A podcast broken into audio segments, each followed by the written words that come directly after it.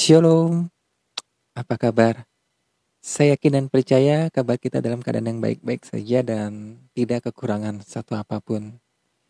Dan tidak terasa kita sudah memasuki minggu ketiga dari bulan Agustus. Dan tidak terasa juga negara kita, bangsa kita, Indonesia kita akan memperingati Hari Republik Indonesia yang ke-75 di mana 75 tahun yang lalu bangsa kita memproklamasikan kemerdekaannya. Bangsa kita mendeklarasikan kemenangannya. Dengan adanya kemerdekaan, maka negara kita diakui oleh negara-negara lain. Negara kita bisa bebas dari penjajahan bangsa lain dan negara kita bisa mengambil ahli, mengambil kendali penuh atas wilayah-wilayah yang ada di Indonesia. Dan kita sebagai anak-anak Tuhan akan terus doakan supaya bangsa kita akan terus mengalami pemulihan, mengalami kemenangan, dan anak-anak Tuhan bisa terus bersatu membangun Indonesia.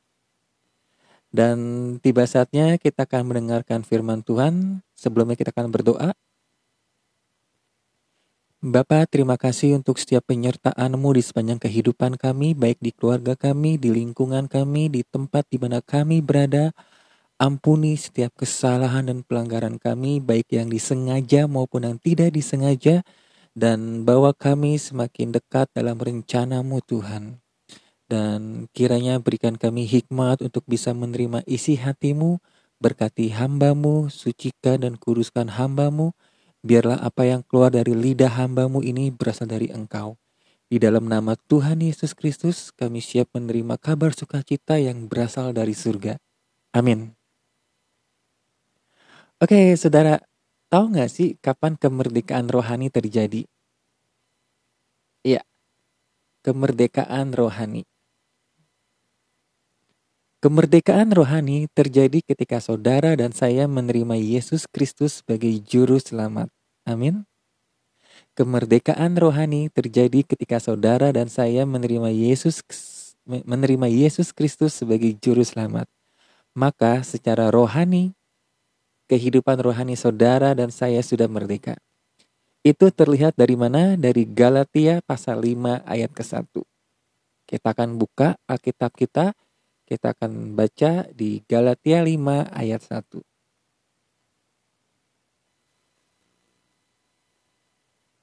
Demikian firman Tuhan. Supaya kita sungguh-sungguh merdeka, Kristus telah memerdekakan kita. Karena itu berdirilah teguh dan jangan mau lagi dikenakan kuk perhambaan. Saya ulangin kembali. Supaya kita sungguh-sungguh merdeka, Kristus telah memerdekakan saudara dan saya. Karena itu saudara dan saya harus berdiri teguh dan saudara dan saya tidak mau lagi dikenakan kuk perhambaan. Dan tema kita di bulan ini pas banget dengan momen yang akan kita rayakan besok, yaitu tanggal 17 Agustus, yaitu tentang kemerdekaan. Dan beberapa minggu yang lalu, Koyosea dan Pak Heri juga pernah membahas tentang kemerdekaan. Dan saya anggap sampai sini kita sudah mengerti, kita sudah memahami apa itu arti kemerdekaan. Apa itu merdeka secara rohani. Kemerdekaan berarti kita semua sudah lepas dari keterikatan. Kita semua sudah mengalami kemenangan. Kemerdekaan artinya saya dan saudara sudah mengalami kemenangan. Kita sudah mengalami pelepasan. Dan yang saya ingin tanyakan saat ini, apakah saudara dan saya sudah benar-benar mengalami kemerdekaan? Iya, kemerdekaan dalam segala hal. Apakah saudara dan saya sudah benar-benar mengalami kemerdekaan? Iya. Jawabannya iya. Saudara dan saya sudah merdeka. Kita semua sudah menang. Dan kita harus bisa mendeklarasikan kemenangan ini. Jangan sampai kita menggunakan kuk perhambaan lagi. Ingat, saudara dan saya sudah merdeka saudara dan saya sudah menang. Dan kita harus mendeklarasikan kemenangan ini. Jangan sampai saudara dan saya menggunakan apa? Menggunakan kuk perhambaan lagi. Ingat, kematian Yesus Kristus di kayu salib adalah salah satu tanda karya penebusan, adalah salah satu karya penebusan yang membawa saudara dan saya menuju ke menangan. Sehingga saudara dan saya tidak lagi hidup di dalam kekhawatiran, kecemasan, keterikatan, dan keterakutan. Ulang kembali, ingat, kematian Yesus Kristus di kayu salib adalah salah satu tanda karya penebusan yang membawa saudara dan saya menuju ke menangan. Sehingga saudara dan saya tidak lagi hidup di dalam kekhawatiran, kecemasan, keterikatan, dan ketakutan. Di dalam Galatia 5 ayat 1, Rasul Rasul Paulus memberikan kita sebuah deklarasi kemenangan. Yang tadi kita sudah baca ayatnya di Galatia 5 ayat 1, Rasul Rasul Paulus memberikan kita sebuah deklarasi kemenangan. Di mana Rasul Paulus menginginkan, menginginkan kita untuk berdiri teguh dan jangan lagi mengenakan kuk perhambaan. Kalau saudara perhatikan di pasal ini, di pasal ini Rasul Paulus sedang berbicara kepada kepada siapa? Kepada orang-orang di Galatia supaya mereka tidak lagi hidup di dalam hukum Taurat, hidup di dalam adat istiadat, hidup di dalam upacara yang telah dilakukan oleh nenek moyang mereka yang terdahulu. Karena Rasul Paulus ingin menekankan bahwa karena Kristus kita sudah dibebaskan. Kita sudah dibawa ke dalam keadaan yang merdeka. Dan ayat ini kembali mengingatkan kita akan deklarasi kemenangan kita. Ingat, Galatia 5 ayat 1 mengatakan bahwa Kristus telah memerdekakan saudara dan saya. Ingat, Kristus telah memerdekakan saudara dan saya. Kata telah dalam ayat ini berarti sudah terjadi. Saya ulangin kembali. Kata telah dalam ayat ini berarti sudah terjadi. Terjadi dalam apa? Dalam kehidupan saudara dan saya. Ketika kita sudah keluar sebagai umat pemenang, umat yang merdeka, kita tidak usah lagi takut, kita tidak usah lagi khawatir. Ingat, ketakutan dan kekhawatiran menjadi penghambat anak-anak Tuhan untuk mencapai kemerdekaan rohani membuat anak-anak Tuhan menjadi terbatas dan semakin lambat dalam menyelesaikan rencana Tuhan. Kekhawatiran, ketakutan, kecemasan adalah salah satu penghambat anak-anak Tuhan untuk mencapai kemerdekaan. Membuat anak-anak Tuhan menjadi terbatas dan semakin lambat dalam menyelesaikan rencana Tuhan. Jika saudara dan saya terus memberi makan rasa takut, kecemasan, kekhawatiran, mereka semua akan menjadi belenggu, akan menjadi rantai buat kehidupan kita. Jadi jangan biarkan kita kasih mereka kasih mereka makan. Jangan. Kita jangan pernah kasih makan ketakutan. Kita jangan kasih pernah uh, kasih makan kekhawatiran kita. No. Tidak boleh yang ada kita harus menghancurkan mereka semua. Kita harus menghancurkan ketakutan itu. Kita harus menghancurkan kekhawatiran itu. Dan penghambat terbesar anak-anak Tuhan saat ini adalah masalah pikiran dan perasaan. Seberapa banyak dari kita yang terhambat karena pikiran dan perasaan kita. Pikiran dan perasaan sangatlah merusak jati diri anak-anak Tuhan.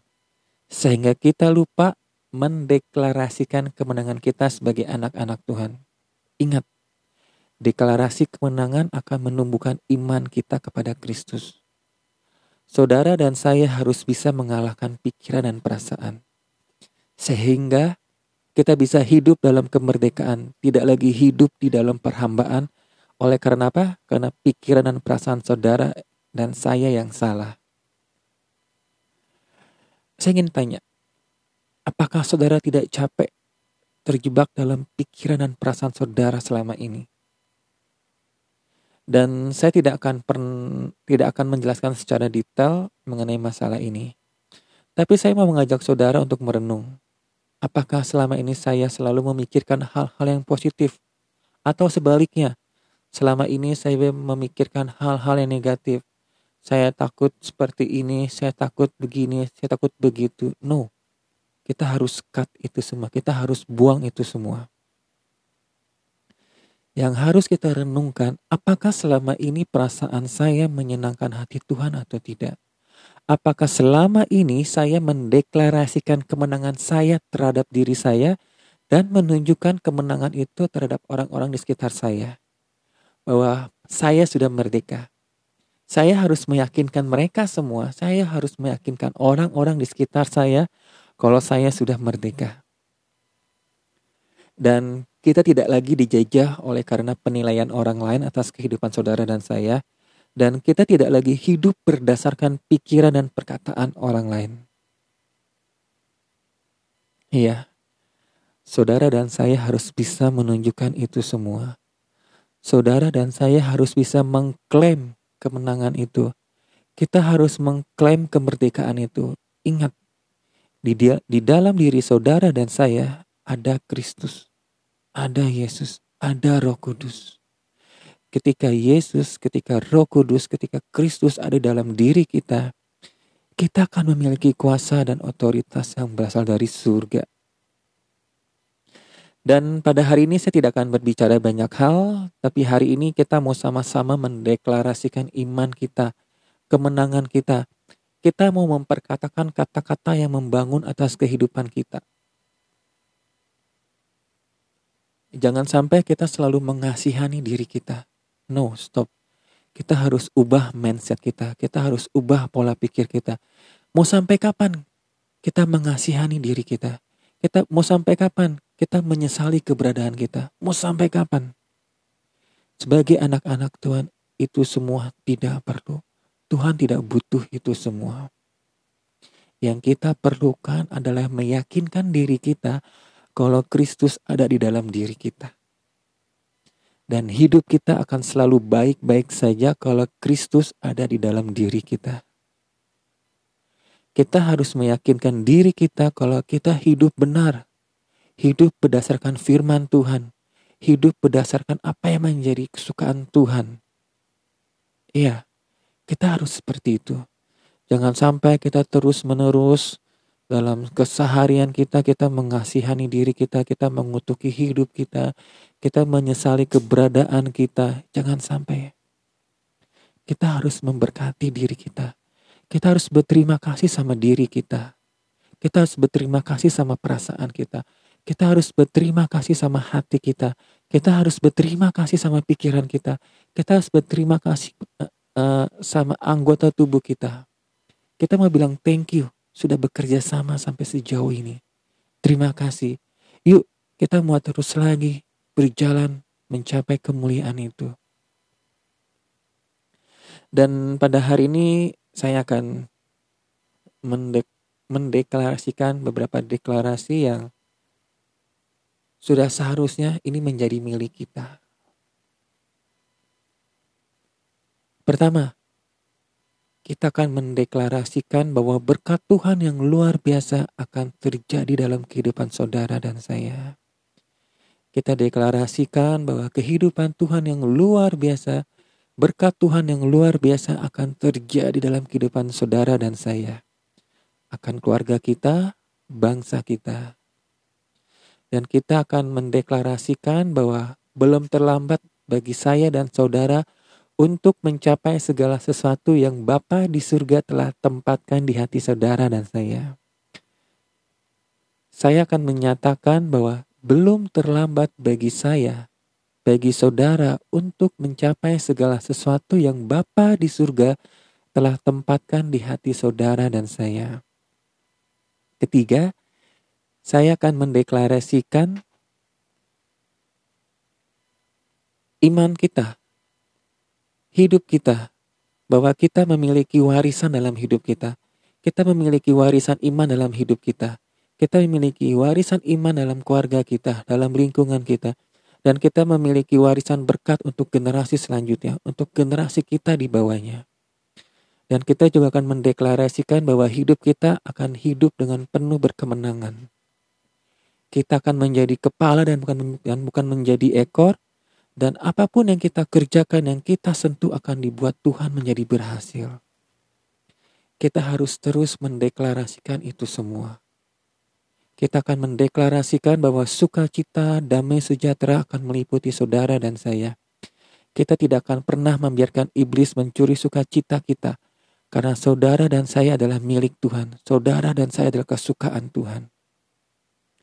Dan apa yang ingin saudara deklarasikan terjadi, teruslah deklarasikan. Perkatakan iman, lepaskan berkat.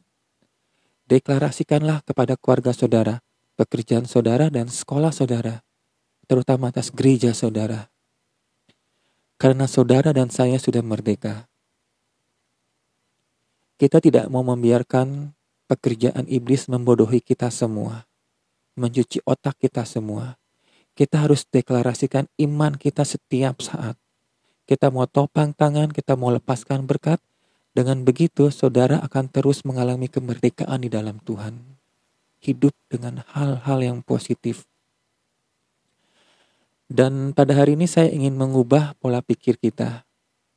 Kita tidak lagi menyesali keberadaan kita, masa lalu kita, perbuatan atau perkataan kita saat ini yang terjadi pada saat ini, yang terjadi pada saat lalu, yang terjadi pada masa lalu bukanlah karena kesalahan kita.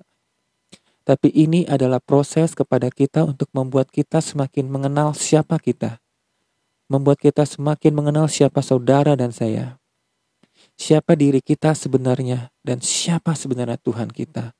Stop untuk menyalahkan keberadaan kita.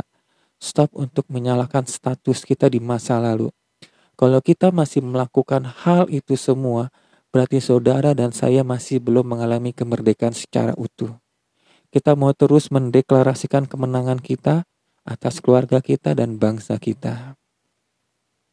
Iya. Tidak ada salahnya kita mendek mendeklarasikan ini semua. Karena ketika kita mendeklarasikan ini semua, mendeklarasikan hal-hal yang positif, tanpa saudara sadari, iman saudara tumbuh. Tanpa sadari, saudara semakin mengerti akan kebesaran Tuhan saudara dan saya. Baik, mari kita bersatu di dalam doa. Bapa, terima kasih untuk kesempatan yang telah Engkau berikan kepada kami pada hari ini. Ajar kami untuk terus mengerti akan setiap keberadaan kami. Kami mau terus disempurnakan sehingga kami bisa menyelesaikan pekerjaanmu dan mengakhiri pertandingan iman kami dengan baik. Jadikan kami sebagai anak-anakmu yang mengalami kemerdekaan dan semakin mengalami kemenangan. Kami tidak mau lagi hidup dalam perhambaan yang telah kami buat. Kami mau hancurkan itu semua di dalam nama Yesus Kristus. Kami mau mengejar apa yang telah tertinggal. Kami mau berlari, kami mau berlari menuju rencanamu. Mampukan kami untuk bisa melewati ini semua. Kami mau melepaskan berkat atas kehidupan kami, keluarga kami, dan bangsa kami. Jangan biarkan sukacitamu hilang. Di dalam nama Tuhan Yesus terjadilah sesuai dengan kehendakmu. Amin.